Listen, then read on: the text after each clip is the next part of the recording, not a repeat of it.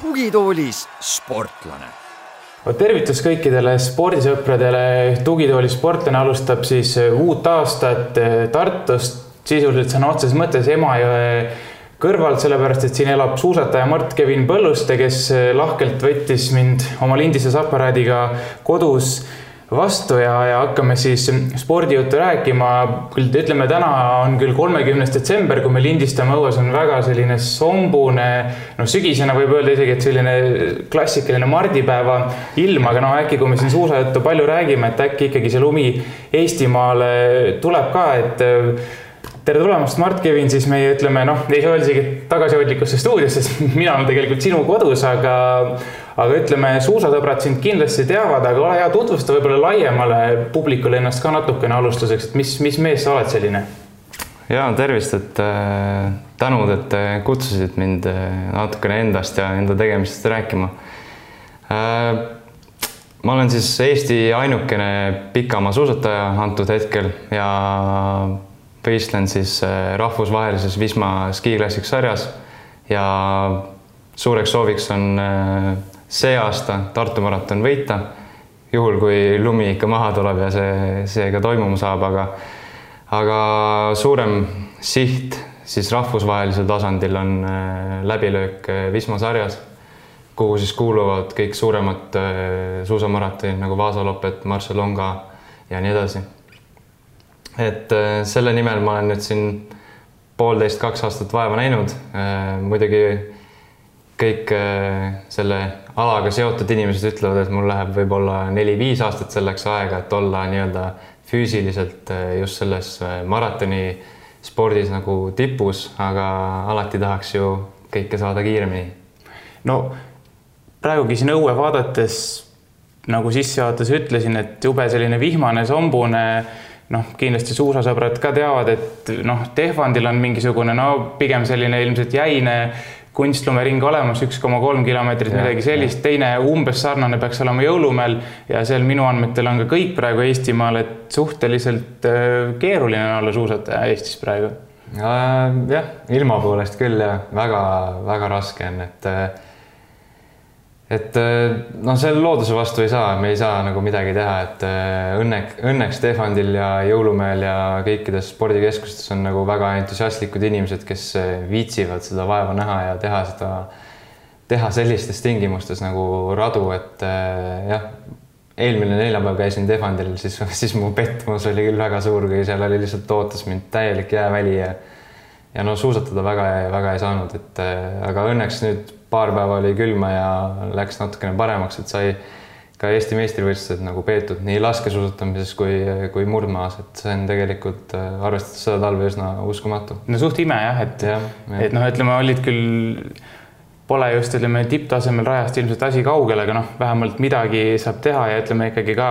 noh, lapsed saavad tulla ja näidata, lastele ka näidata, et noh, mis see ikkagi see, mis see päriselt suusatamine on, sest noh, rullid on ju, on ju täitsa täitsa teine asi. kuule, aga sa olid ju tegelikult veel noh, alles mõni aasta tagasi ja, ja rääkimata siis veel kaugematest aegadest sprinter ja nüüd järsku uhad maratone, et ole hea, räägi nagu see ülemineku lugu ära, sest see on, need on kaks nagu noh, kõige vastandlikumat asja ju üldse suusatamises äh,. jah, see tundub küll nagu väga vastandlik olevat, aga aga neid näiteid, kes on nii-öelda nagu üle läinud samamoodi on, on isegi üsna, üsna mitmeid, et Øystein Peterson Norrast, Jon Christian Dahl, kõik olid äh, maailmatasemel sprinterid ja siis hakkasid, äh,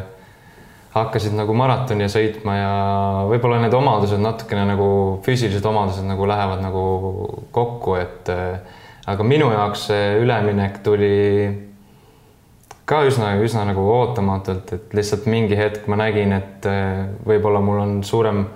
võimalus läbi lüüa just nagu maratonides, sest äh, sprinti treenides kuidagi see edasiminek jäi nagu mingi hetk äh, seisma, et ei, ei tulnud neid tulemusi ja siis tekkis niisugune kannatamatus, et oleks tahtnud nagu midagi uut proovida ja, ja siiani ma ütleks, et see on olnud nagu väga hea otsus, et äh, ma olen väga rahul. Aga mõtlengi, et noh, räägi võib-olla kuidagi see selles mõttes läbi, et kuidas, kuidas sa sinna, kuidas sa sinna jõudsid, et noh, tõesti see, et ütleme, teine, noh, teine variant ju ka, et näiteks ütleme noh, lihtsalt alternatiiv, et miks sa näiteks üldse ei, ei loobunud suusatamisest, miks sa noh, miks sa just nagu selle teele läksid, sest et maratoni ütleme, okei okay,, üks asi on need võistlused mm, -hmm. aga teine asi on see, et see tähendab ju ka noh, maratoniks sa pead ka vastavalt treenima mm -hmm. mahuliselt, ajamahuliselt, see on ju palju, palju rohkem nõudev tegelikult äh,. jah, miks ma spordist ei ole loobunud, see on tegelikult päris hea küsimus, et äh, ma olen ise ka selle peale mõelnud, aga võib-olla siis see usk ja,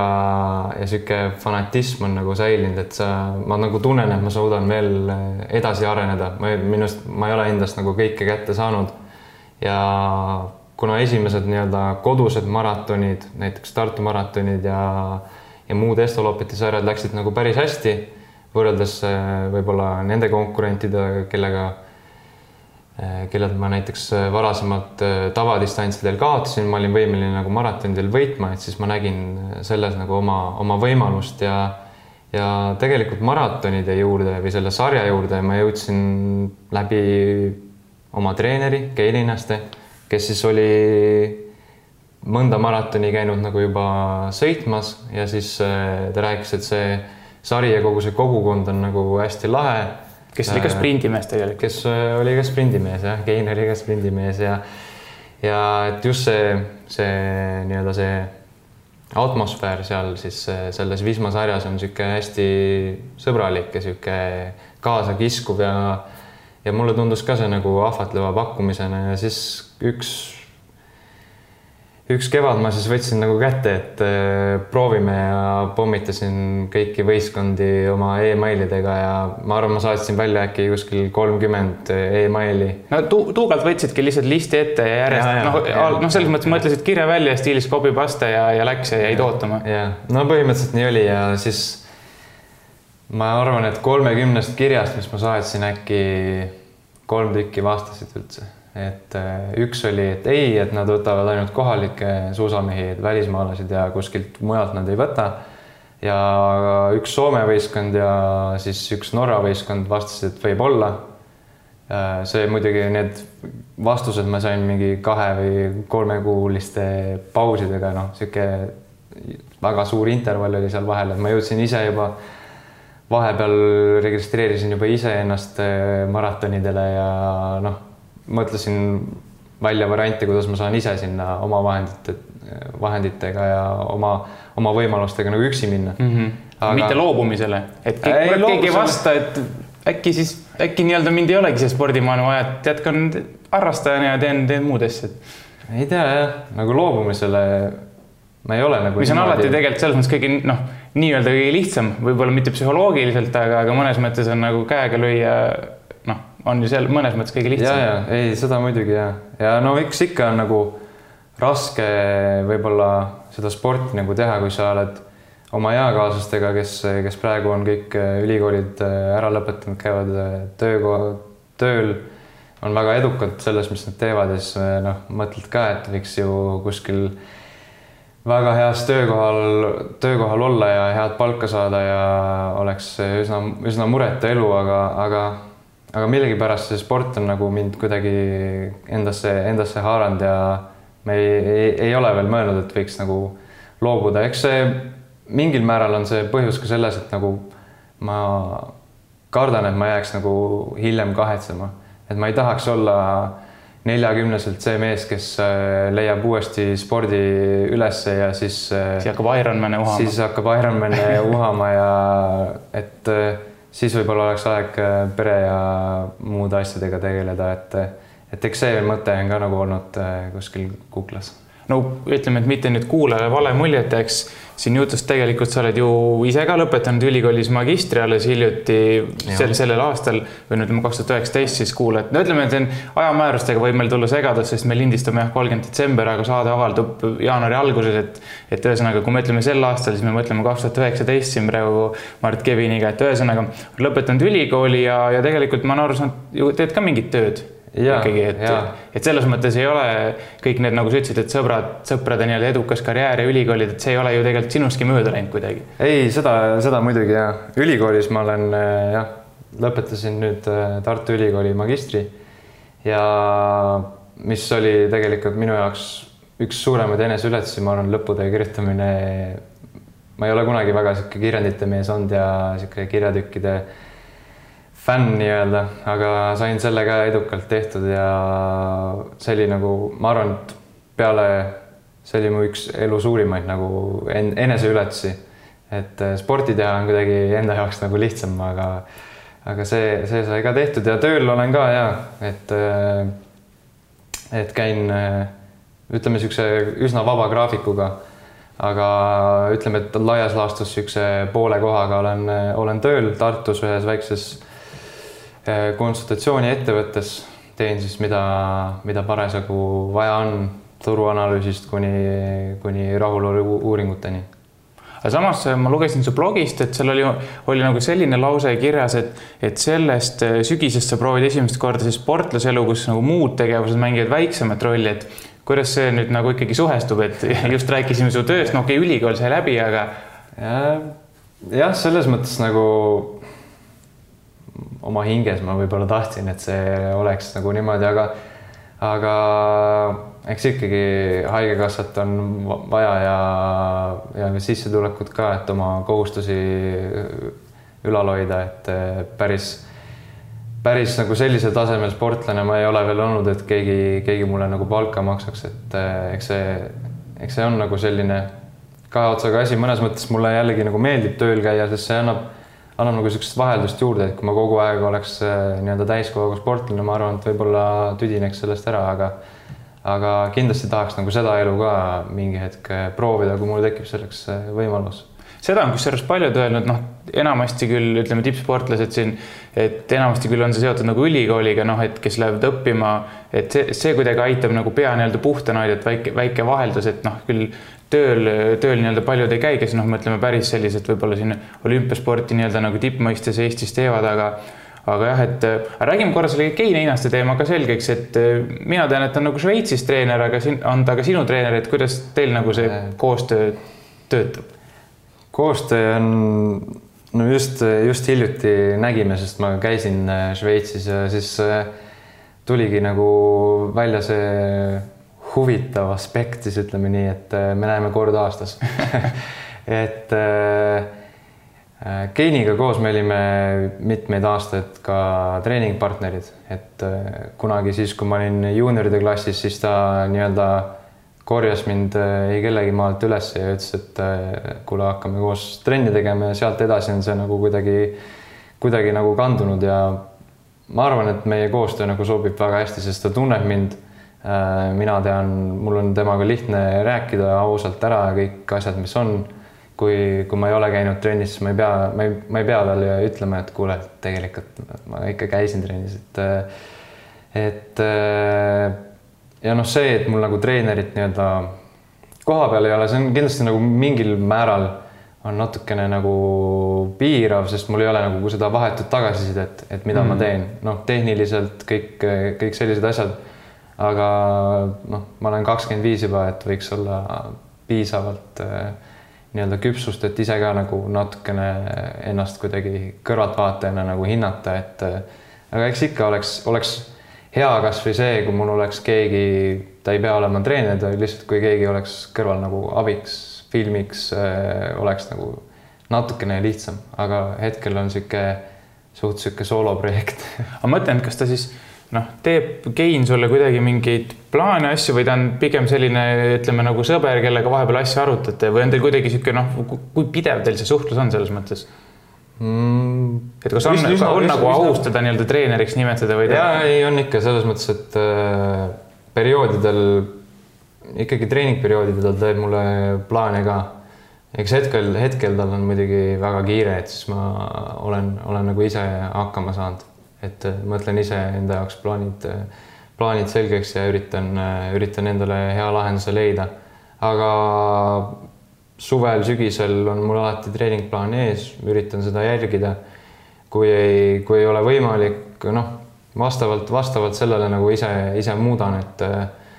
et seda geeni saab ikka mu treeneriks nimetada kindlasti, jah. oled kuidagi sina ka kasu saanud sellest, et ta on Šveitsi koondise juures ametis? mingeid huvitavaid arvan... teadmisi, mis iganes, ma ei tea, kasvõi varustus, mida iganes? ei, ma arvan küll, selles mõttes, et ma arvan, et ta ise on nagu treenerina kõvasti arenenud ja ja see ongi võib-olla kõige olulisem nagu aspekt, et ta on nagu näinud seda, kuidas tehakse, ma arvan, et maailma kõige põhjalikumas spordi ettevalmistusega riigis. et äh, seal Šveitsis on nagu kõik detailideni läbi mõeldud, noh, absoluutselt kõik. ja võib-olla see ongi nagu avardanud ka tema nagu mõttemaailma ja ta on näinud, äh, näinud seda, mida ta võib-olla Eestis varem ei, ei kohanud, et siis see annab nagu mulle ka natukene, natukene juurde, et äh, aga, aga ei, šveitslased teevad, sellest ma olen aru saanud, et šveitslased teevad oma asja sinna juurde inimesi pookida on nagu võimatu, et neil on niisugune oma süsteem, mida nad hoiavad, no mitte nüüd saladuses, aga aga kui ma tahaks nende trennidega liituda või midagi sellist, ma arvan, et see oleks pigem, pigem keerukas. aga geini nad ikka lasevad ligi ju siis või on nagu ei noh, selles mõttes, ega nad ei saa piirata ja et kellega Kein suhtleb, et. ei no ma mõtlengi, et kui nad ikkagi ju ta tööle võtsid, et siis oleks veider nagu. ei jah. seal mingeid suuri saladusi veel hoida. ei, eks me ikka nagu suhtleme, et aga ega ma ei ole nagu küsinud ka nagu nii täpselt, et äh, mis te, mis te nüüd teete ja mis, eks ikka jutu, kui jutuks tuleb, siis ikka, aga aga noh, nii palju, kui ma olengi aru saanud, et nad üritavad olla võimalikult äh, teaduslikud ja teha kõiki asju nagu põhjendusega mm. -hmm. aga korra veel sellest, sellest maratonisse nii-öelda üleminekust, et tegelikult ju murdmaasuusatamine suhteliselt liigub sel, selles suunas, et, et teeme, teeme nagu lühemini, kiiremini siin juba noh, juba saja meetri sprindid toimuvad sellel aastal esimest korda on veel spetsvõistlussari ja samal ajal sina hoopiski valisid selle nagu kõige raskema tee nii-öelda või noh, ütleme selles mõttes kõige raskem, et kõige pikem pingutus maratoni näol, et eh, miks sa niiviisi piinad ennast? Ma ei ütleks, et see nagu piinamine. sada meetrit oleks ju hea, üksteist sekundit ja koju ära. seda muidugi ja, aga, aga ma ütlesin, et äh, mulle, mulle nagu sobib maratoni sõitmine nagu natukene rohkem, ma ei, minu hapniku tarbimine võib-olla ei ole nii hea, kui võiks olla, et sõita maailmakarika distantsi, kus seal pead võistlema meestega, kellel on, kellel on see väga kõrge ja, ja maratonis sa saad kuidagi nagu natukene kompenseerida nii-öelda teiste eelduste ja teiste oskustega, et kui sul on võimu rohkem, siis, siis on ka nagu alati, alati varianti nagu läbi lüüa ja suusataja mõistes ma olen alati olnud äh, üsna, üsna nii-öelda jõuline või siis nagu tugevam keskmisest suusatajast. et ma loodan, et see on üks minu, minu trumpe ja, ja kui ma suudan selle kõik oma nii-öelda treeningute ja, ja fookusega nii-öelda rakenduda nii-öelda sinna baaristõukesse ja, ja maratoni sõitmisesse, siis see, ma usun, et see võib tuua edu ja noh, see ongi tegelikult äh, uskumatu, et äh, kõiki neid maratone ju mehed läbivad ainult baaristõugetega, et äh, sellist asja nagu maratonis nagu vahelduv tehnika näeb ainult ühes, ühe, ühel maratonil aastas, mis on Norras ja see on tõesti väga raske, väga raske ring, aga ülejäänud, mis pole vahet. kui on kasvõi kümme kilomeetrit järjest tõusu, kõik lükatakse baaristõugetega ma tahtsingi, kusjuures just, just mõtlesin, et järgmisena ma küsin, et kas, kas see vastab tõele, et mul on niisugune info jah, et, et paneks ainult baaristõuget, see on ju täiesti noh, no see, see kõlab isegi uskumatult, et noh, tõesti tõusud, asjad, no eks kääri saab ikka joosta, aga ütleme siis vanakooli mehed ütlevad, et see ei ole ju kellegi klassikatehnika enam äh,. jah, vanakooli mehed ütlevad niimoodi aga kusjuures nagu Norras või Skandinaavias neile nagu see äh, meeldib ja sihuke paaris sihuke nii-öelda liikumine on isegi natukene nagu tekkinud, et äh, harrastajad ja kõik, kõik äh, seda väga visalt harjutavad, sest ma arvan, et Vaasa Lopetil on ka tavasuusatajad, kes lähevad, lükkavad ainult paaristõugetega, aga Vaasa Lopet on muidugi ka üks kõige laugemaid sõite üldse. et näiteks Norras Birkebeiner, kus on niimoodi, et esimesed niisugune kakskümmend kilomeetrit peaaegu läheb kogu aeg vaikselt üles mäge. seal on küll paar laskmist vahepeal, aga, aga, aga ka sel, sellel äh, sõidul on nagu esiotsa mehed lükkavad äh, klassikalise tehnika vilejatelt eest ära, et äh, et lihtsalt suusatamine on läinud nagu sinna suunas. suusvarustus on läinud kiiremaks, mehed on läinud tugevamaks ja kuidagi, kuidagi see nagu sinna suunas liigub, et FIS ja kõik see, see nii-öelda reeglite kehtestamine, et kui, kui pikki suusakeppe sa võid kasutada ja ja mingid siuksed vahelduva ala tsoonid, et. no FIS ikka üritab elus hoida seda vahelduvat. ei ikka ja, et aga samas minu arust jällegi see nagu piirab nagu seda mängulisust natukene, no võtame näiteks äh, mingid sprindid, on ju. minu arust on väga huvitav äh, just nagu jälgida seda, kui mõni mees läheb äh, paaristõugetega ja mõni läheb vahelduvaga ja siis kuidas see nii-öelda vahekord nagu siis on, et, et aga eks kindlasti, kui sa lähed paaristõugetega, siis see nii-öelda oht petta tehniliselt ehk siis lükata uisku on nagu suurem. et see on võib-olla ainukene nii-öelda halvem külg sellel. no samas, kui rada on ees, siis mis uisku sa seal lükkad jälje sees? nojah, aga noh, ikka leitakse viise, vahetad, vahetad radu, noh, igasuguseid äh, variante on, et äh, et ka seal maratonidel on, on mehi, kes äh, lihtsalt tulevad, kui tõusu peal enam ei jaksa lükata, siis tõusevad püsti ja hakkavad äh, uisku sõitma, et äh, aga, aga aga selles mõttes see nii-öelda maratoniühiskond on nii aus, et selliseid vendi on, selliseid mehi, naisi on väga vähe. ja mul on väga eredalt meeles see, kui Soomes oli üks maraton ja meie ees üks itaallane hakkas siis uisku sõitma ja kogu meie grupp lihtsalt karjus tema peale nii kaua, kuni ta ära lõpetas ja hakkas uuesti. mis, mis te karjusite talle äh,? noh, ilmselt see mingid roppurid olid, aga aga eks me üritasime lihtsalt teda nagu natukene jah, kurjustada, et eh, noh, ikkagi kõik võistleksid võimalikult ausalt. huvitav, nii naglalt pannaksegi siis, et noh, ma saan aru, et sa noh, millest kunagi ei saagi teada, et sa oled jäänud üksi kuskile metsa vahele, noh, ees ega taga ei ole mingit gruppi või kedagi. et noh, et võib-olla siis on niisugune ahvatlus tekib, aga kui sul on taga, selja taga on mehed. nojah, see on nagu lihtsalt see, et sa oled nii väsinud ja sind nagu, no tol hetkel ma arvan, teda lihtsalt üldse ei huvitanud, sest et nagu paarkümmend sekundit hiljem ta tegi täpselt samamoodi edasi, et ta, tal oli nagu ükskõik. et ta oli, oli nagu nii kustunud juba, sest nagu ta oli sõitnud eesotsas ja siis ta hakkas järjest tahapoole kukkuma ja noh, ju siis see motivatsioon ja kõik see tahe nagu natukene kukkus kokku tema jaoks. et aga, aga ma ütlen, selliseid olukordi mina olen näinud väga vähe, kus nii-öelda teadlikult keegi läheb lihtsalt äh, nii-öelda petma raja peale, et noh sellist asja nagu ei, ei, ei kohta. et äh, see on nagu tegelikult üsna uskumatu, sest see on, see on tõesti väga raske on neid paaristõukeid seal äh, kuuskümmend, seitsekümmend kilomeetrit järjest, äh, järjest lükata, et noh, see, see soov või see mõte, et ah, lükkaks nüüd natukene uisku, see on endalgi tulnud nagu pähe, aga, aga kuna inimesed on ümber, siis sa lihtsalt ei tee seda aga ma mõtlengi, et miks selle, miks see, miks on mindud selle paari, ainult paaris tõuke peale üle, kas puhtalt siis see, et noh, pidamismääradega lihtsalt on siis aeglasem libisemine, et saaks kiiremini edasi. ja nii ongi ja et. Äh, aga see tõmbab ju täitsa noh, ülakeha ju. No see on ikka üli, palju raskem tundub ühesõnaga. ei noh,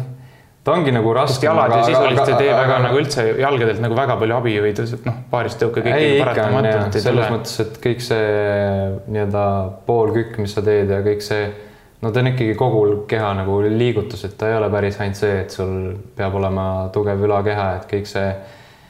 kõik see kooslus on nagu oluline, kuidas see, kuidas sa sõidad, aga aga jah, see ongi lihtsalt sellest tuleneb, et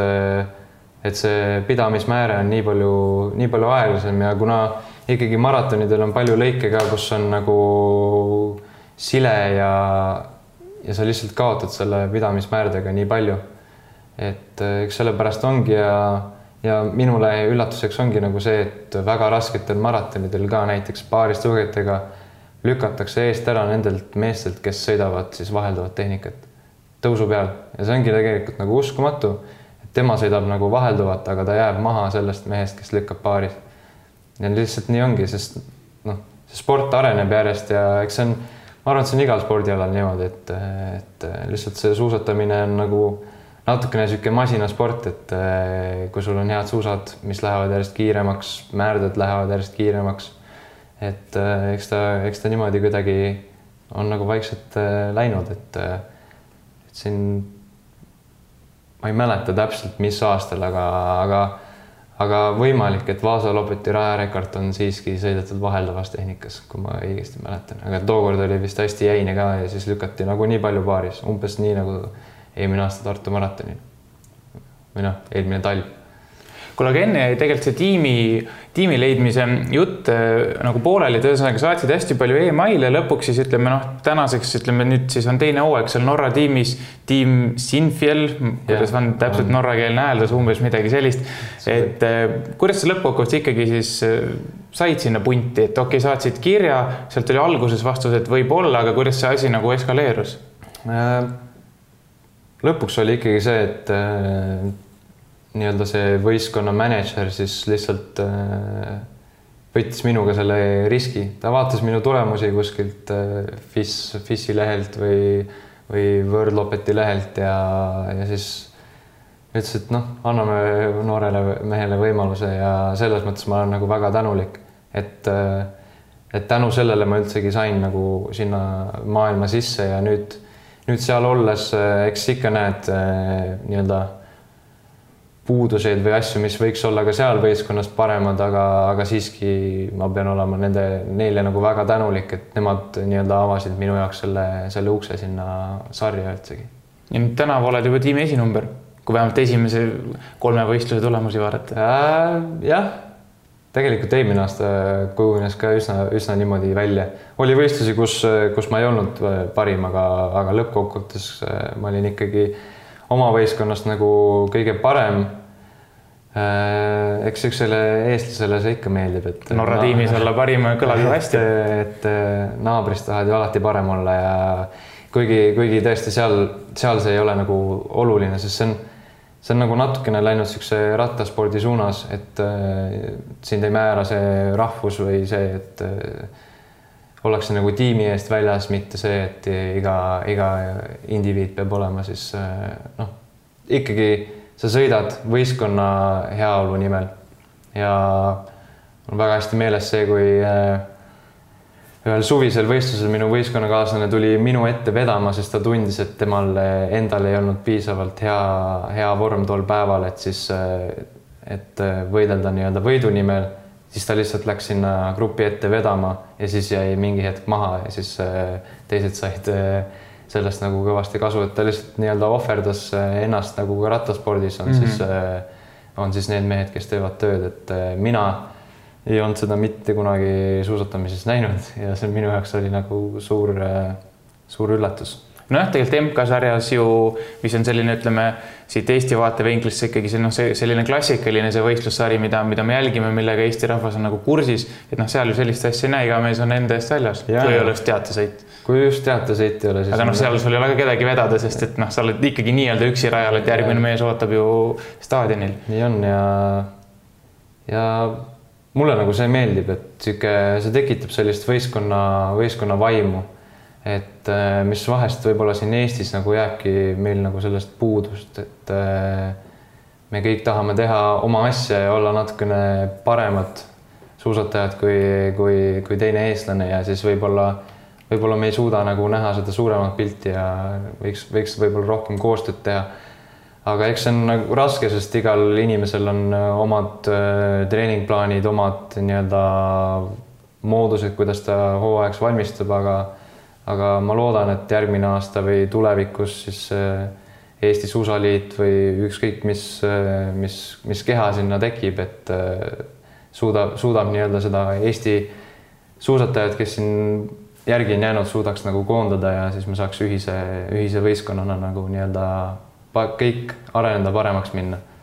no ütleme, selle Eesti suusatamise hingeeluni me veel jõuame siin saate nii-öelda hilisemas faasis, aga räägime korra veel sellest maratonide sarjast, et eh, Wisma Ski Classics on selle nimi, nagu siit on juba läbi käinud, et olgem ausad, see on noh,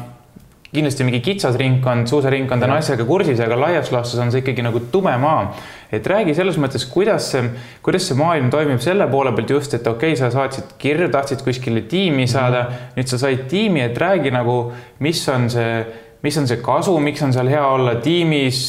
noh, palka seal ju vist ei saa, aga mis on selle nagu kasu, kasutegur ja kuidas, kuidas seal see koostöö tiimis selles mõttes toimub, et sina oled ju eestlane, praegugi oleme siin Tartus, noh, enamus satsist on Norrast, et ku, kuidas teil üldsegi see nii-öelda see tiimielu toimib ja, ja, ja, ja kogu see maailm? Eks seal on, on, on võistkondi ka, kus äh, sportlased saavad palka, aga need on, need on nii-öelda siis äh, suured võistkonnad ja ma arvan. palju neid on umbes, siukseid võistkondi? no ma arvan, et neli-viis, neid on ikka vähe, et äh, kokku on kolmkümmend viis võistkonda, et see annab nagu oma, oma ülevaate, et ikkagi minu võistkonnas on vähemalt see, et kas käiakse tööl poole kohaga, üks, üks kutt on meil ehitaja poole kohaga või siis käiakse, või siis käiakse koolis, ülikoolis käivad väga paljud ja see ongi nagu huvitav nii-öelda Norra, Norra näitel näiteks see, et äh, kuidagi ei eeldata seda, et äh, selleks, et olla suusataja, ma pean olema nagu täiskohaga sportlane. et äh, neid, kes käivad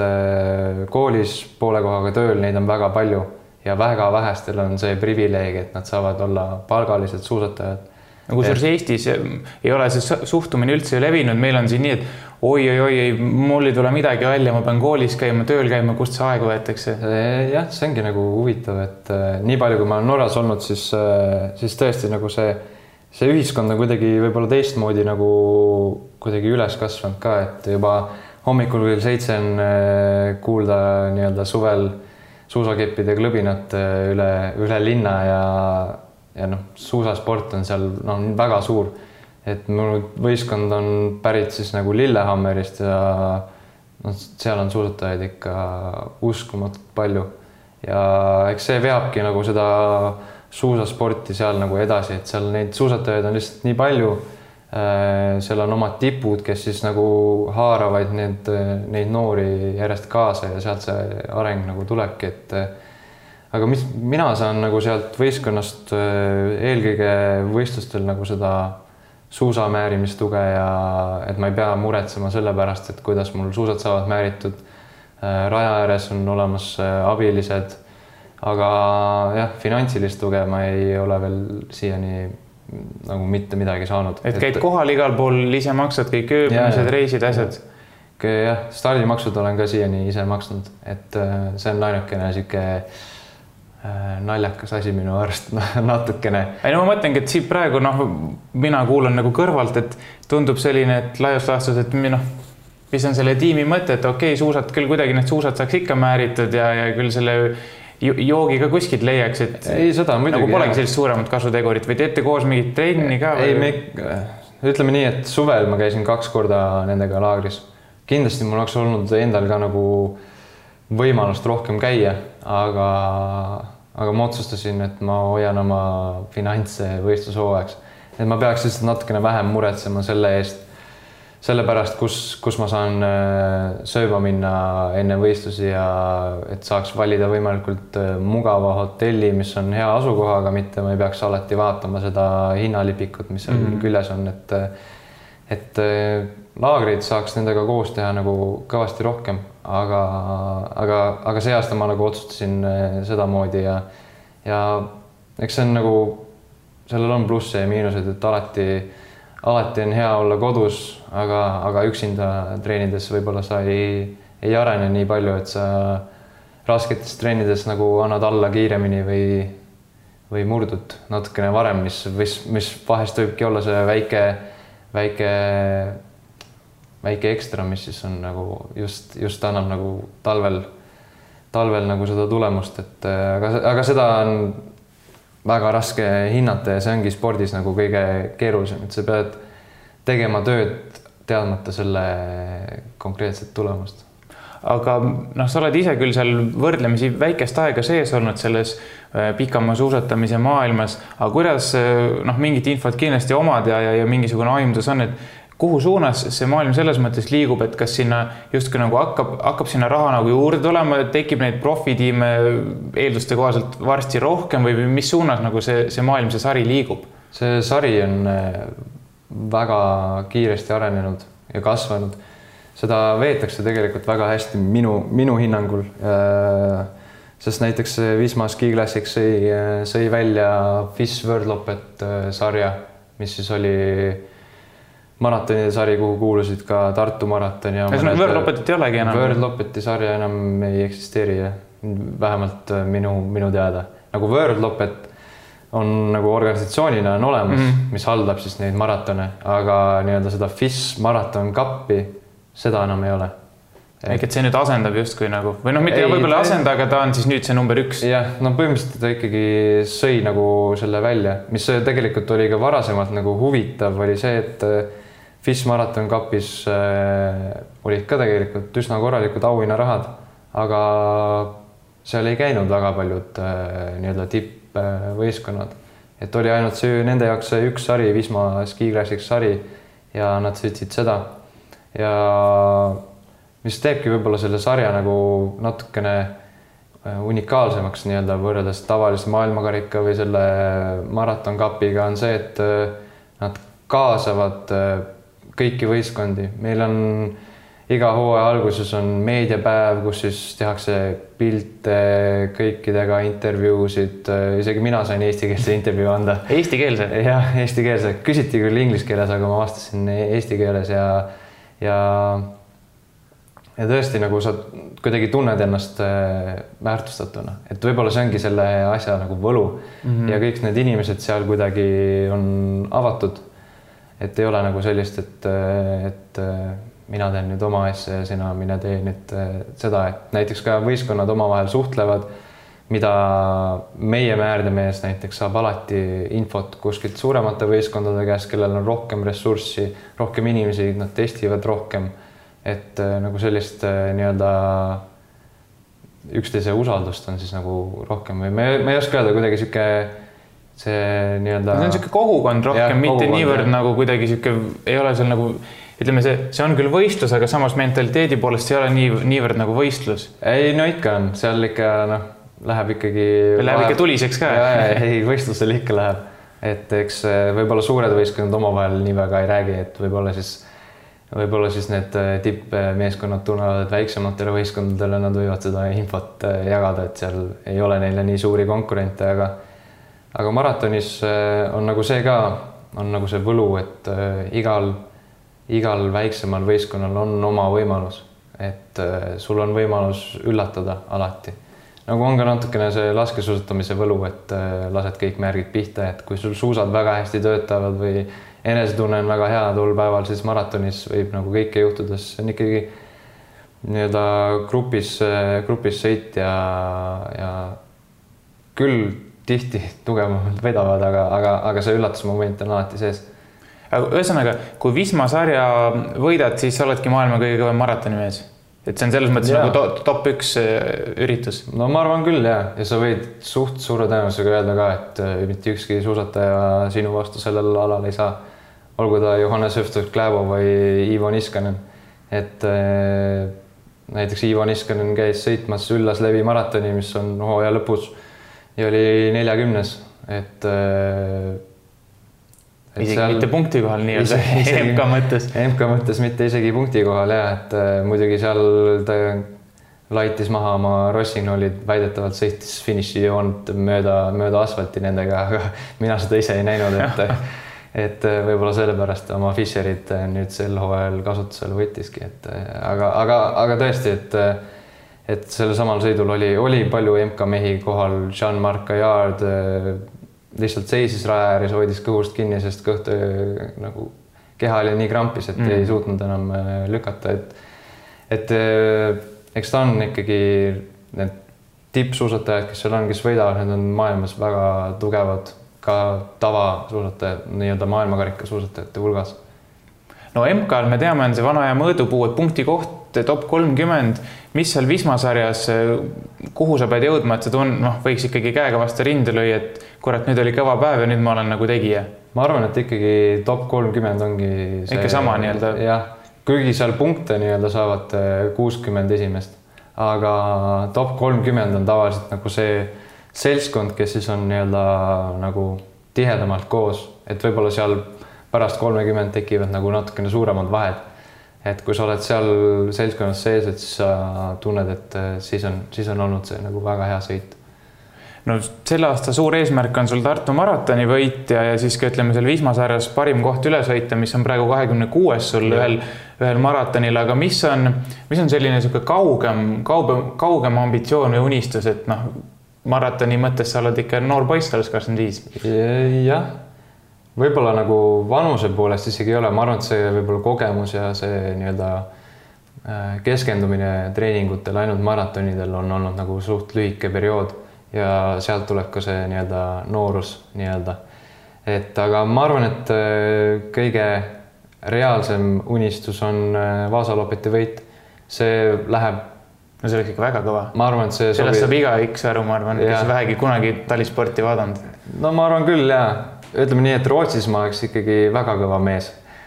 Eestis võib-olla natukene vähem, et see on nagu huvitav tegelikult, et äh, Rootsis Vaasa Lopeti võitja on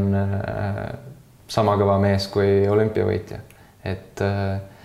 et selles mõttes Raul Olle on äh, teada-tuntud mees äh, Skandinaavias. et ma arvan, et Vaasa Lopeti võit, see, see sobitub kõige paremini ka nagu minu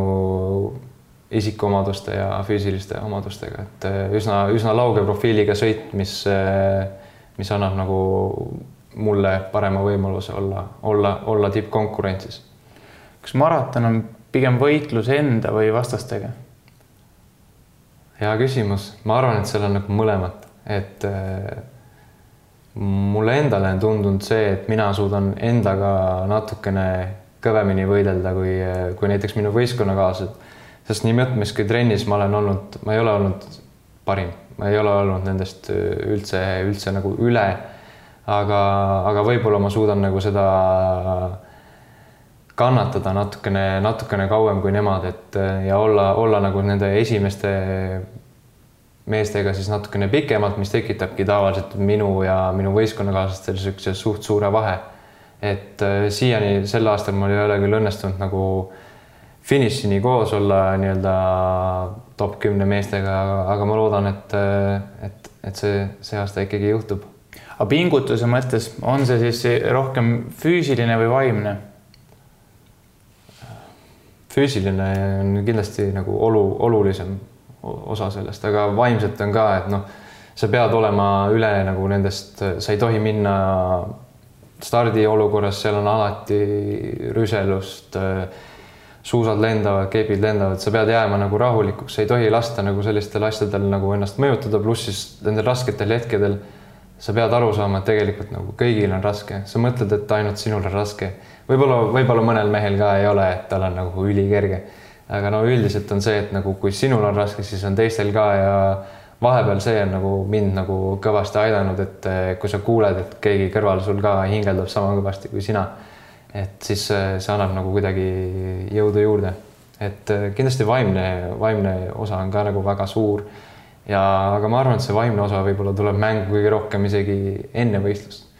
kuidas sa suudad olla keskendunud, teha noh, mitte nagu kaotada pead, et eh, mäletan eelmine aasta Barcelongal ma olin, jooksin igal pool ringi, ma olin täiesti kadunud. Et eh, soojendus, seetõttu ka soojendus ja kõik, kõik sellised asjad nagu kannatasid ja siis seal ma mäletan, ma läksin stardijoonele, mul oli keha oli täiesti külm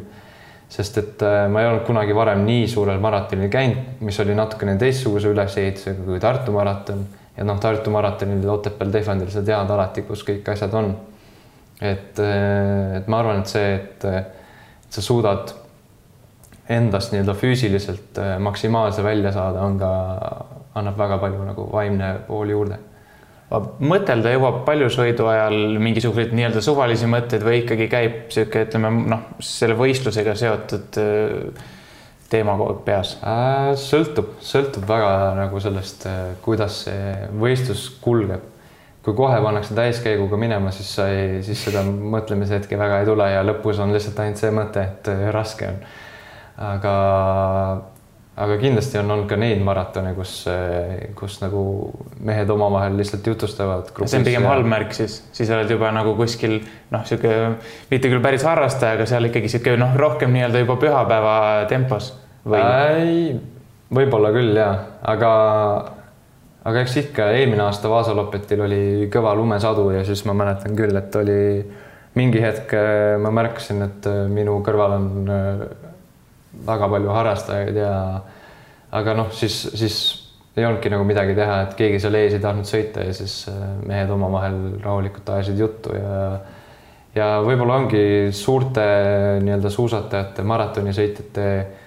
üks suurimaid trumpe ongi see, et nad teavad, millal on, on vaja olla eesotsas. et, et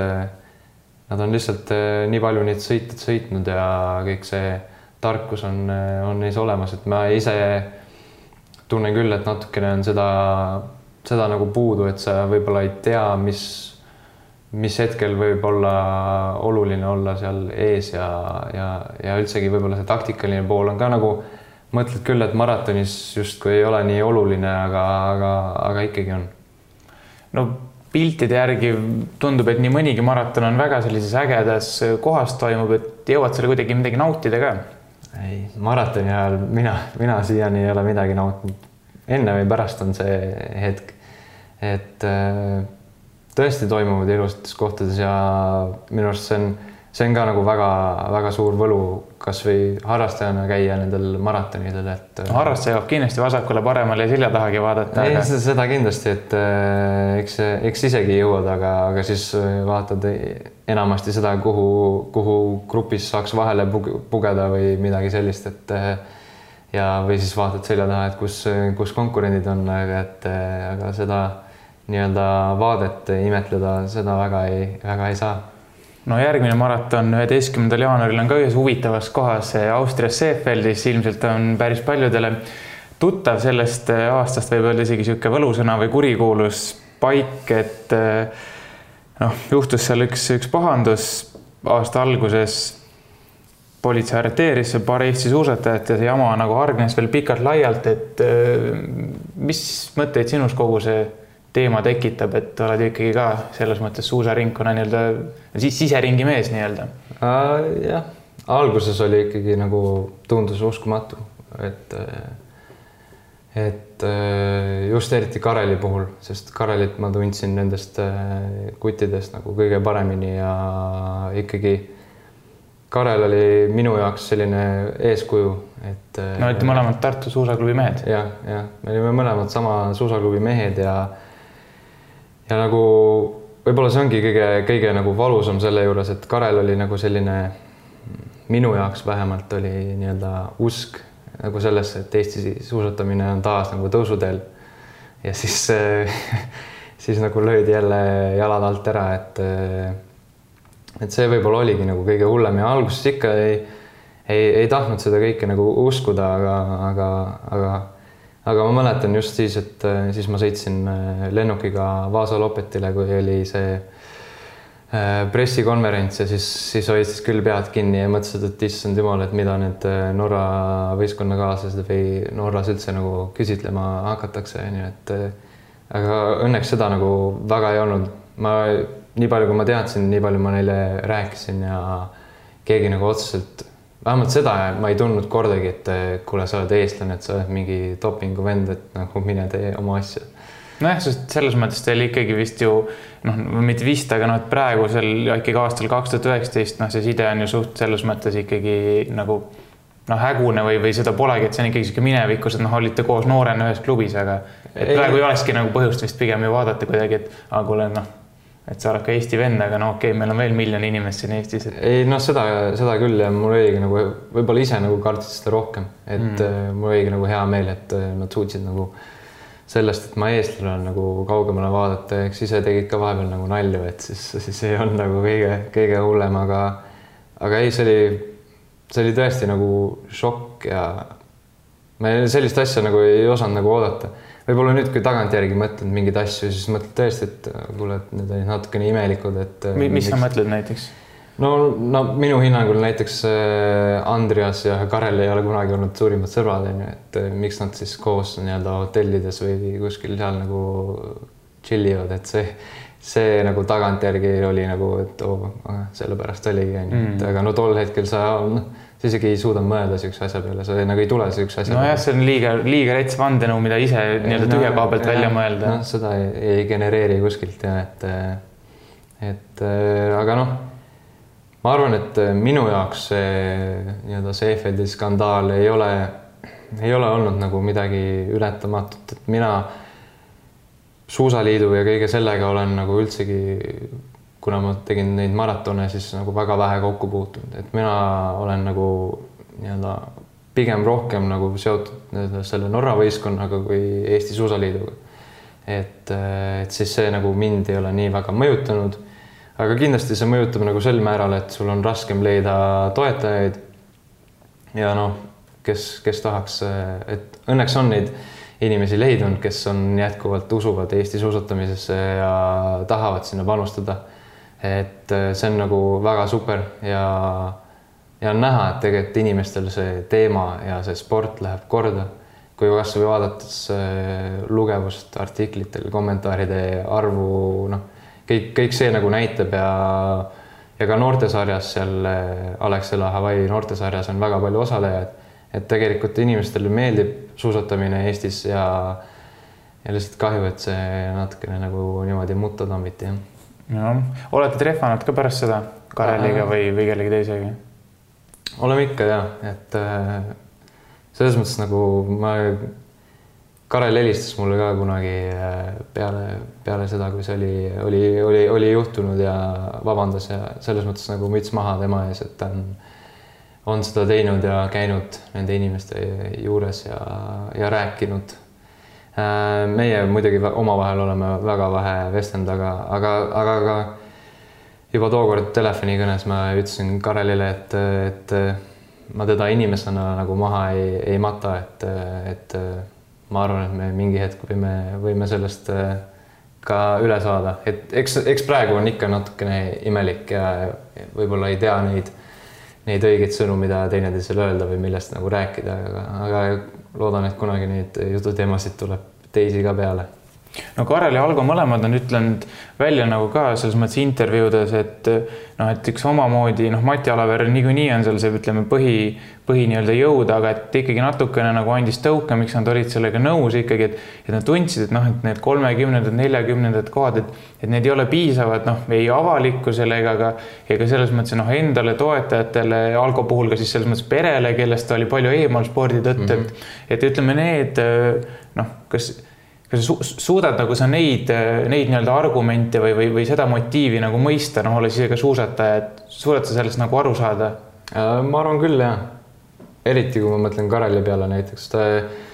ju U kakskümmend ja U kakskümmend kolm vanuses sõitis äh, võrdselt äh, selliste meestega nagu Andrew Musgrave ja,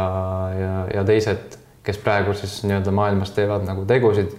ja temal kuidagi nagu see, see nagu ei õnnestunud, et see võibki nagu luua võib-olla niisuguse, niisuguse nagu petliku kuvandi, et eh, kuule, et ma treenin ka, nemad treenivad ka, aga kuidas nemad on minust nii palju paremad. ja eks ikka nagu see, kui ma kasvõi loen näiteks eh, Norra suusatamise kohta artikleid, siis, siis see on tegelikult kurb, kurb lugeda, et kõik kommentaarid on eh, põhimõtteliselt see, et pange need astmaatikud kinni ja. see on siis Eestis nagu kommentaar? nagu Eestis jah, et, et kuidagi, kuidagi eestlane ei suuda uskuda, et, et teised võiks teha ausalt sporti. et vabalt, seal võib vabalt olla nagu mingi, mingi jõhker vandenõuteooria, et kogu Norra suusatamine petab vabalt. no no mina ei usu seda, ma olen näinud neid inimesi, mida nad teevad. see on, see on kõva töö ja vaev, mis need, mis need suusatajad nagu, nagu teevad ja kogu see ühiskond on nii-öelda, nii-öelda kasvatanud neid sportlasi, et eh, noorest peale on nad eh, käinud perega matkamas, eh, suusatamas, et kõik see väga, nad on väga aktiivsed inimesed ja ma arvan, et see, see on ka nagu suureks aluseks. ja eks, eks head tulemused alati toovad järjest rohkem äh, sportlasi, näiteks võime võtta äh, Rootsi naissprinterid, äh, tuli Stiina Nilsson ja nüüd järjest tuleb uusi tegijaid peale, kes siis on maailma tasemel väga kõvad, et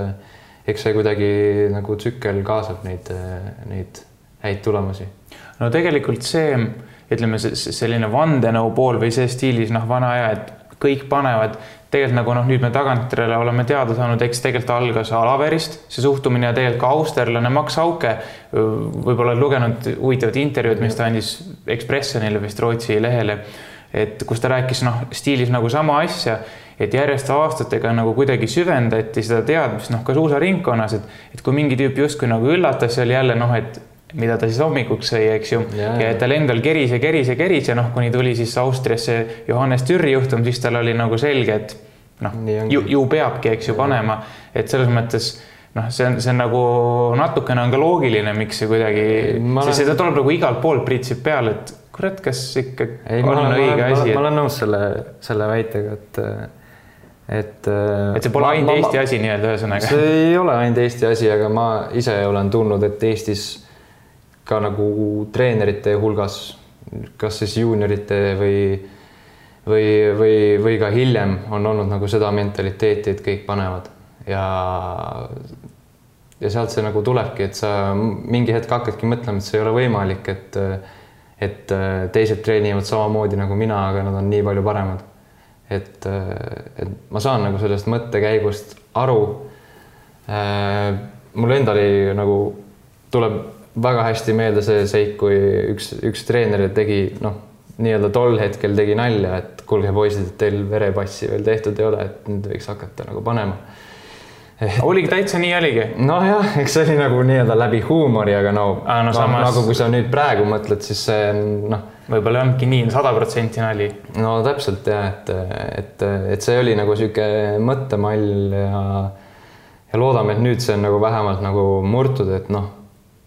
et äh, dopinguga ei jõua kaugele ja ma arvan, et näiteks Kareli puhul või Algo puhul noh, see hakkas neid juba vaimselt nii palju nagu segama ja hakkas seda treeningprotsessi segama, see on muidugi mu enda arvamus, aga, aga. ei no nad on ju välja öelnud, mitte küll treeningute kohta, aga võistlustel, noh, Karel ütles välja, et noh, ma ei saanudki häid tulemusi täiesti nautida, et ma mingi hetk ma ei tahtnudki enam häid tulemusi teha, mis on sama see dopingu mõte, et see on nagu nii räige sisemine paradoks et no. see hakkabki noh, kui sa oled ikkagi selles mõttes tegelikult normaalne inimene, noh siis see sind hakkab vaimselt ikka varem või hiljem sööma et.... ei, ma usun ka ja ma arvan, et see ikkagi nagu pärssis nende treenimist ka natukene, et sa kuidagi võib-olla ei uskunud sellesse, mida, mida sa tegid ja, ja sul oli nii-öelda see pääsetee selle veredopingu näol alati olemas, et et ma ei, ma ei oska, ma ei oska, ma ei, ma ei tea, mida nemad mõtlesid ja mida nad praegu mõtlevad, et seda peab nende enda käest küsima, aga. no seda küll, endal ei ole ahvatlust tekkinud siis, kui juba noorte treenerid teevad nalja ja? ei, ei ole kunagi tekkinud ja, et äh, me ei, me ei, me ei oska nagu, ma ei oskaks nagu enda jaoks võib-olla seda nagu õigustada, et, äh, et ma saan aru, miks Karel tegi seda või, või või noh, selles mõttes ma saan nagu, võin seda mõista läbi mingite arutluste, aga, aga nagu seda ei saa kunagi nagu heaks, heaks kiita, et äh, ma arvan, et, et tal endal on mõne, mõnevõrra nagu hea meel, et see lõpuks läbi sai, et ta nii-öelda vabanes sellest äh, koormast, sellest valetamisest ja kõigest, sest sest ta ju on ise ka öelnud, et ta pidi kogu aeg seda nii-öelda varjama ja ma ei, ma ei usu, et et ükski inimene seda, seda nagu naudiks, et äh, ma arvan, et äh, dopingu kõige suurem negatiivne külg ongi lihtsalt see, milline, milline koorm, koorem see on sulle endale ja ka nagu see mõjutab kõigi lähedaste suhteid, mis sul on, et et äh, selles mõttes mul on Algost nagu väga kahju, et ta pidi oma lastele ja vanem, vanematele ja elukaaslasele naisele niimoodi nagu lihtsalt valetama jah, me mõtleme, ma tean, tean nii mõndagi, ütleme, et ega see vestlus, kui ma käisin, istusime samamoodi Algo köögis Otepääl, kui ta rääkis selle kõik loo ära mulle, siis noh, nii-öelda avalikus mõttes esimest korda, et ega see see oli ka minu vastas istus ikkagi murtud mees, et see oli päris, päris raske intervjuu ka, mida teha. aga ma tean mõndagi sellist, ütleme meievanust, eh, noh, laias laastus oleme sama vanad, et meievanust meest, kes ikkagi noorena, kes tegeles ka suusatamisega ja oli ikkagi vaatas nii, et noh, Mati Alaver oligi, oligi jumal sõna otseses mõttes, et kas sul oli ka midagi sarnast nii-öelda lapsepõlves? ei, ikka ja. kuna Mati nagu tõi tulemusi, siis äh, ja ta oli enda ümber loonud nagu selle tiimi ja kõik see nagu tundus, et noh, kui sa tahad olla Eestis hea suusataja, siis sa pead öö, olema nii-öelda noh, hilisemal perioodil siis nagu tiim Haanjas, on ju. et, et mul endal tekkis ka nagu see, et kuule, et äkki peaks Karelile Karelile kirjutama, et äkki saaks ka nagu tiimiga liituda. võib-olla mind ei oleks kunagi vastu võetud, aga ma nagu mõtlesin selle peale, et, et kuule, et see oleks päris hea, et see võiks olla nagu järgmine samm nagu edasi. Õnneks äh, ennem jäid poisid Seefeldis vahele, kui ma Team Haaniaga liituda suutsin, et, et, et Eesti suusatamises on alati nagu see Mati usk on olnud, olnud suur, et ma arvan, et ma arvan, et see on ka nagu selles mõttes iseenesestmõistetav, et temal olid sportlased, kes tegid tulemusi ja ja sa pead, pead nagu seda nii-öelda uskuma, et, et see meetod nagu toimib. võib-olla nüüd tagantjärgi me saame öelda, et võib-olla see meetod oli üles ehitatud natukene valedele põhimõtetele, aga aga tol hetkel täiesti iseenesestmõistetav no Andres Veerpaluga olete samal aastal sündinud, mis tähendab, et noorteklassides noh, väga palju koos võistelnud. ma olen kuulnud, temaga oli juba noorena erinevaid, erinevaid jamasid, noh, mitte küll dopingu mõttes, aga ütleme seal erinevad, no mis iganes, ütleme küll oli vaja protestida siin-seal ja pärast võistlusi ja, ja ühesõnaga korraldada erinevaid asju, et on sul ka mingeid kogemusi selles mõttes lisada siia? ei, väga palju ilmselt ei ole, et eh, eks äh, eks perekond Veerpalu on alati olnud äh, võiduhimuline ja ma arvan, et see tuleb, tulenebki nagu sealt natukene, et et aga ma ei, ma ei oska nagu sellest, äh, sellest perekonna dünaamikast nagu kaasa rääkida, mis seal, mis seal nagu toimus, toimub, et hetkel on ka nagu kõvasti sellest äh, meedias ja igal pool juttu, et et lihtsalt ütleme nii, et Andrease nime väljatulemine mind nii väga ei üllatanud, ei üllatanud kui näiteks Kareli puhul. siis puhtalt arvestades mehe iseloomu uh,? jah, ja ka neid äh, nii-öelda kogemusi, mis võib-olla sa välja tõid, et, et neile on alati võitmine olnud äh, oluline ja iga hinna eest, iga hinna eest ja võib-olla siis mingi hetk see õige ja vale piir nagu hägustus, et, et mis, mis nagu seal võib-olla ongi kõige üllatavam minu jaoks on see, et äh, Andrusega endaga kaks tuhat üksteist juhtus selline asi, et äh, dopinguproovid olid positiivsed ja siis, et et sa oled võimeline nagu oma lapsele äh, nii-öelda põhjustama sedasama või minema sedasama teed, et see on, see oli nagu minu jaoks võib-olla kõige nagu üllatavam, et et äh, mina küll enda lapsele seda ei sooviks, et. Äh, no see on ka tegelikult ju tervisele ohtlik, nagu trombid võivad tekkida. see, kui sa paned oma seda verd ei, sisse. seda, see, see võib-olla küll, aga ma just mõtlen nagu nii-öelda nagu seda vaimset poolt, et äh, et sa oled olnud nii-öelda dopingusüüdistuse all mitmeid kuid, aastaid, kõik see on nagu sind väsitanud ja siis sa lähed ja teed seda uuesti, et see on uskumatu. no natukene veel uskumatum on, et et ikkagi härra Veerpalu isiklikult oli siis laupäeval Eesti meistrivõistlusel lausa näoga kohal ja vaatamas oma nooremate laste võistlust, et see vist ilmselt võtab selles mõttes, võtab nagu no, selle, selle kokku, et kui palju on nagu mingisugust süütunnet ja, ja kui palju huvitab mingisugune avalik arvamus, et. ei, võib-olla küll ja, aga samas enda lastele tahad ikka kaasa elada ja ja selles mõttes nii-öelda pereisana ma saan nagu sellest soovist aru, et sa tahad minna vaatama oma laste võistlust, aga aga võib-olla, võib-olla siis olla lihtsaltki nagu pealtvaataja, sest nagu tõesti antud hetkel tundus, et ta oli nagu nii-öelda treenerina seal pigem kohal kui lihtsalt kaasaelajana, et ja,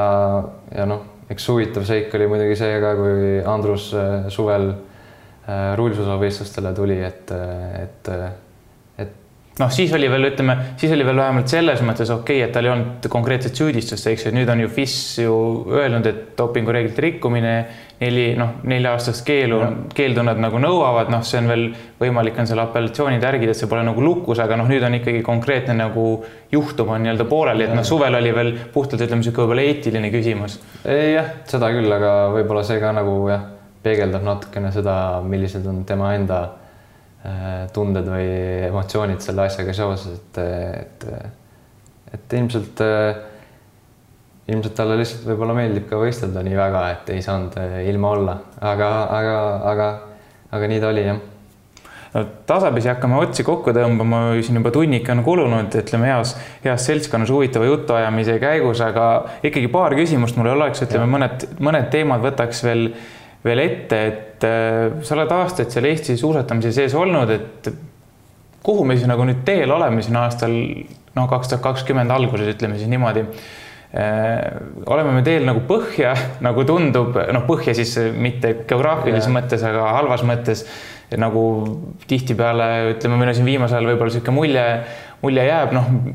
lund ju ka meil ei ole. samas noori on, aga neid on vähem kui kümmekond, kakskümmend aastat tagasi, et kuidas sulle tundub lihtsalt, kuhu see Eesti suusatamine liigub? nii igas mõttes, mitte ainult tipu mõttes, aga, aga üleüldiselt. eks noorte osas on kindlasti nagu väga raske konkureerida pallimängude või mingite, mingite teiste spordialadega, kui sul lihtsalt lund, lund ei ole. et sinna, sinna ei saa nagu midagi teha, aga ma saan võib-olla rääkida nagu praeguste nende tippude, tippude kohta, kes meil, kes meil on ja ma usun, et, et Eesti suusatamine õnneks ei ole välja surnud, sest et meil on lihtsalt niivõrd entusiastlikud sportlased, kes teevad seda oma, oma rahakoti pealt või siis oma mingite isiklike sponsorite pealt, sest nagu ma olen aru saanud, siis suusaalid äh, ei ole, ei ole midagi suutnud veel nende ettevalmistusse ja võistlustesse väga panustada aga.... no võistluskulud minu teada vist no, kaetakse, aga trenni osas peaks olema null viimase info kohaselt. et, äh, et mulle, mulle eriti meeldib, äh, meeldib nagu see, et Marko on, on näidanud nagu minu silmis väga suurt sisu just, just selles, selles võtmes, et ta ei, ta ei, ta ei andnud alla nii-öelda selle, selle spordialaga ja, ja ikkagi nagu teeb edasi ja usub sellesse ja Ruga MK nagu tegelikult näitas ka, et klassikaline tehnika ja, ja sprint sobib talle väga hästi ja ma usun, et seal kaks tuhat kakskümmend üks Oberstdorfi MM-il ta võib sõita väga hästi ja eks meil on noori ka, kes ikkagi peale tulevad, lihtsalt iseküsimus on nagu see, et kas nad on endale selgeks teinud, kui palju vaeva nad peavad äh, nägema, sest et äh, mujal maailmas käib väga-väga tõsine andmine juba kuueteist-viieteist-aastaselt peale, et et mina ise olen ka astunud nagu kas nüüd selle reha otsa, aga võib-olla, et ma, ma sain natukene liiga hilja aru sellest, kui palju tegelikult peab vaeva nägema ja võib-olla kõik teised tegevused natukene kool ja, ja kõik ja sõbrad ja kõik see nagu oli, oli noorena nagu väga tähtis ja eks see on, eks see on ka arusaadav, aga aga mingeid asju peab äh, selle nimel ohverdama, kui sa tahad olla maailmas kõige parem. aga ma loodan, et, et need treenerid, kes meil siin on ja ja need sportlased, mm, Martin Himma, Henri Roos, Kaarel-Kasper Kõrge ja nii edasi, meil on meil neid äh, mehi on, lihtsalt äh, küsimus on see, kuidas, kuidas me neist selle maksimumi kätte saame ja, ja, ja kui head tulemust see lõpuks nagu annab. no siin aastate jooksul on noortesarjast ju läbi käinud no sadu, tegelikult tuhandeid, tuhandeid lapsi ja noori aga ometi pärast seda kuld, nii-öelda kuulsat kuldaega meil ju tegelikult ei ole isegi olnud ju sellist meest või naist, kes oleks selline noh, stabiilne top kolmekümne sõitja MK-sarjas, et mis sa arvad, miks, miks nagu ei ole tulnud, sest et mina nagu seda teooriat ei taha uskuda, et, et uut nii-öelda talenti pole olnud, et noh, tõesti, see ei ole nii, et meil on viis suusa, viis last on käinud suusatrennis ja noh, siis viiest ei tule, et noh, neid on tõesti olnud sadu ju. Ja, ja, ja pigem, pigem sinna tuhat, noh, neljakohaline on see arv. Eks seda keegi küll... võiks ju olla nii-öelda talent kindlasti. Ei, kindlasti on olnud neid talente, aga lihtsalt nad on võib-olla kuskil eh, kaduma läinud. Et äh, muidugi Norras neid äh,, neid sportlasi ja talente on kümnetes kordades rohkem, sest lihtsalt äh, no näiteks juba Norra meistrivõistlustel võistleb sadu mehi, naisi, kui meil on kümnetes, et, et sealt tuleb juba näiteks see vahe, aga aga mul on nagu niisugune tunne, et niisugust, äh, meil ei ole nagu süsteemi paigas, et äh, mis, mis tuleneb võib-olla ka, tuleb välja ka näiteks teistel spordialadel, mitte ainult murdmaasuusatamises, vaid, vaid ka teistel Eesti, Eesti aladel, kus, kus nii-öelda, kui sa lõpetad keskkooli ära, siis kui sa just ei ole nagu koondises, siis see kuidagi, sa haihtud ära. Ütleme nii, et äh, ülikoolis äh, ma otseselt ei otsinud ka nagu mingit nii-öelda tuge, ma ikkagi käisin täiskohaga, olin täiskohaga tude, tudeng, aga, aga võib-olla võiks olla nagu mingi, mingi sihuke spordisuund, kus sa saad natukene rohkem keskenduda oma asjadele, võib-olla seal on ka olemas, ma ei, mina lihtsalt ei tea sellest, see, see võib ka alati olla, olla see lugu. aga, aga kui juba mina ei teadnud, siis, siis see on nagu natukene kehv, et siukseid asju võiks nagu teada. Et jah, meil on see Audentese spordigümnaasium ja, ja seal Otepääl noored saavad tegelikult nagu hästi treenida ja ma arvan, et nagu see süsteem nagu toimib. aga see ongi gümnaasium täpselt. aga see ongi gümnaasiumi peale seda nagu kuidagi, kuidagi kaob see nagu ära, et just see kõige raskem moment, kus sul on vaja otsustada, et kas sa lähed nüüd äh, ülikooli tööle, äh, mida iganes ja, ja paljud valivadki siis äh, sportlastee kahjuks. Ja ja ma arvan, et võib-olla sealt ongi nagu neid inimesi, inimesi kaduma läinud, et et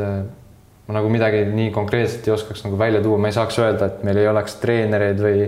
eks kindlasti seda know-how'd või teadmisi võiks olla alati rohkem, et ja ja võib-olla seda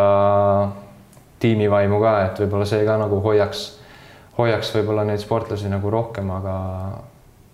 aga tõesti kuidagi sihuke, mulle tundub, et see süsteem on nagu sihuke jupiti natukene, et kui sa, vähemalt omal ajal mina tundsin, siis ma olin alati niisuguse koondise piiripealne kandidaat ja mul nagu ei olnud kindlat äh, väljundit ja siis oligi nagu sihuke, sihuke nagu poole, poole kohaga olid sportlane ja võib-olla need teised ja see sportlaste ei olnud nagu nii oluline. Et äh, võib-olla sealt on ka nagu minu sihuke hiline areng natukene tulnud, et, et võib-olla kui oleks varem aru saanud, et sportlastee on äh, lahe ja tore ja ja võiks seda proovida, et siis äh, äkki oleks äh, natukene varem juba jõudnud maratonide juurde, aga aga praegu on nii, ma olen väga rahul, et selles mõttes ma ei, ei, ei saa kurta. ma küsin lõpetuseks sellise hea lihtsa küsimuse, et kas suusaspordil üldse on tulevikku, arvestades ütleme noh, millest see tõukub, on see, et noh, lumega on kehvasti ja kaugeltki mitte ainult Eestis, siin oleme näinud MK-sarja alguses nii laskesuusas, murdmaas, kahevõistluse mingi kontinentaalkarika etapp on ära jäänud, et ka Kesk-Euroopas. ühesõnaga lumeprobleem on tegelikult suht, suht suur paljudes Euroopa piirkondades, kus varem seda pole olnud. et see on üks asi, teiseks, mis puudutab murdmaad, noh väga keegi ei saa norralastele vastu, mis tähendab, et on suhteliselt, suhteliselt igav, suuremad talispordiliigid on juba tegelikult natukene nagu noh, mitte loobunud, aga ei panusta nii palju murdmaasse just noh, ütleme Saksamaad, Itaaliat, sellised riigid, mis olid siin nii-öelda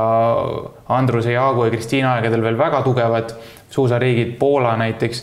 et eh, noh, siin juba Venemaa suurim telekanal loobus üldse naiste MK-etappide mm -hmm. näitamisest, sest noh, Johaug võidab, kes viitsib vaadata seda. et ühesõnaga kõige selle pinnalt eh, selline hea lihtne küsimus et kas suusaspordil on üldse tulevikku pikas perspektiivis? hea lihtne küsimus jah äh, tippspordina kindlasti on, aga võib-olla ta natukene muutub niisuguseks äh, nišialaks võib-olla küll. et on teatud piirkonnad, kus sa saad äh, palju suusatada, kus tuleb neid sportlasi peale ja peale ja peale. Äh, Norra, Soome, Rootsi, kus on nagu rohkem,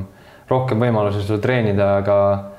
aga minu kõige suurem hirm ongi see, et ta nagu tavainimeste hulgas sureb, äh, sureb nagu välja ja siis ei tule just nagu lapsi trennidesse ja ja Eestis noh, inimestele ju meeldib suusatada, Tartu maraton ja, ja ja kui on lund, siis äh, terviseradadel on väga palju inimesi alati väljas liikumas ja ja seda, see ongi nagu kõige kurvem, et võib-olla nagu tavainimese jaoks ta jääb nagu kaugeks. et äh, et sellest saab selline kallis hobi, mida noh, sa pead minema kuskile spets kohta, kus on see küll, tore jah. valge asi maas. võib-olla küll ja et temast saab eestlaste jaoks sihuke mäesuusatamise puhkus äkki, et, äh, et siis pead ka minema kuskile Alpidesse sõitma, et et äh, eks ta nii võib minna ja et äh, aga ma ei, ma ei, ma ei oska öelda, mis äh, suusatamises saab, kindlasti nagu spordialana ma ei usu, et ta välja sureb. võib-olla siis asendub see rullusuusatamisega, mis on tegelikult ka läinud järjest populaarsemaks Skandinaavias ja, ja Kesk-Euroopas. et iseenesest ega seal ka ei ole ju midagi, midagi nagu halvasti, aga ta võiks, võiks ikkagi jääda nagu talispordiks, kuigi rullusuusatamine on väga-väga sarnane ja no see pole nagu, ikka see. see pole, ikka see, aga noh, ta on ligipääsetavam võib-olla rohkematele inimestele isegi. et aga noh, eks ta, ta võiks ikkagi olla, jääda, olla ja jääda talijalaks.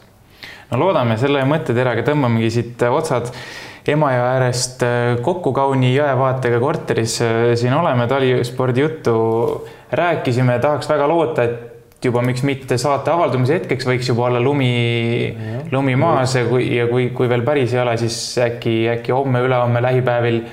tuleb, et saaksime ikkagi kõik siis minna ka veel natukene talverõõme nautida, enne kui siis globaalne soojenemine päris, päris Lõuna-Hispaaniaks meid muudab. suur tänu, Mart Kevin, et. Äh, võõrustasid mind oma köögis. oli tõesti, ütleme, Emajõe peale oli tore vaadata siin keset vestlust ja küsimusi küsis siis Mart Reial täna ja soovin teile siis ilusat, mõnusat, sportlikku uut aastat. kuulake meid siis jälle nädala pärast ja, ja nautige Eestimaa talve oh..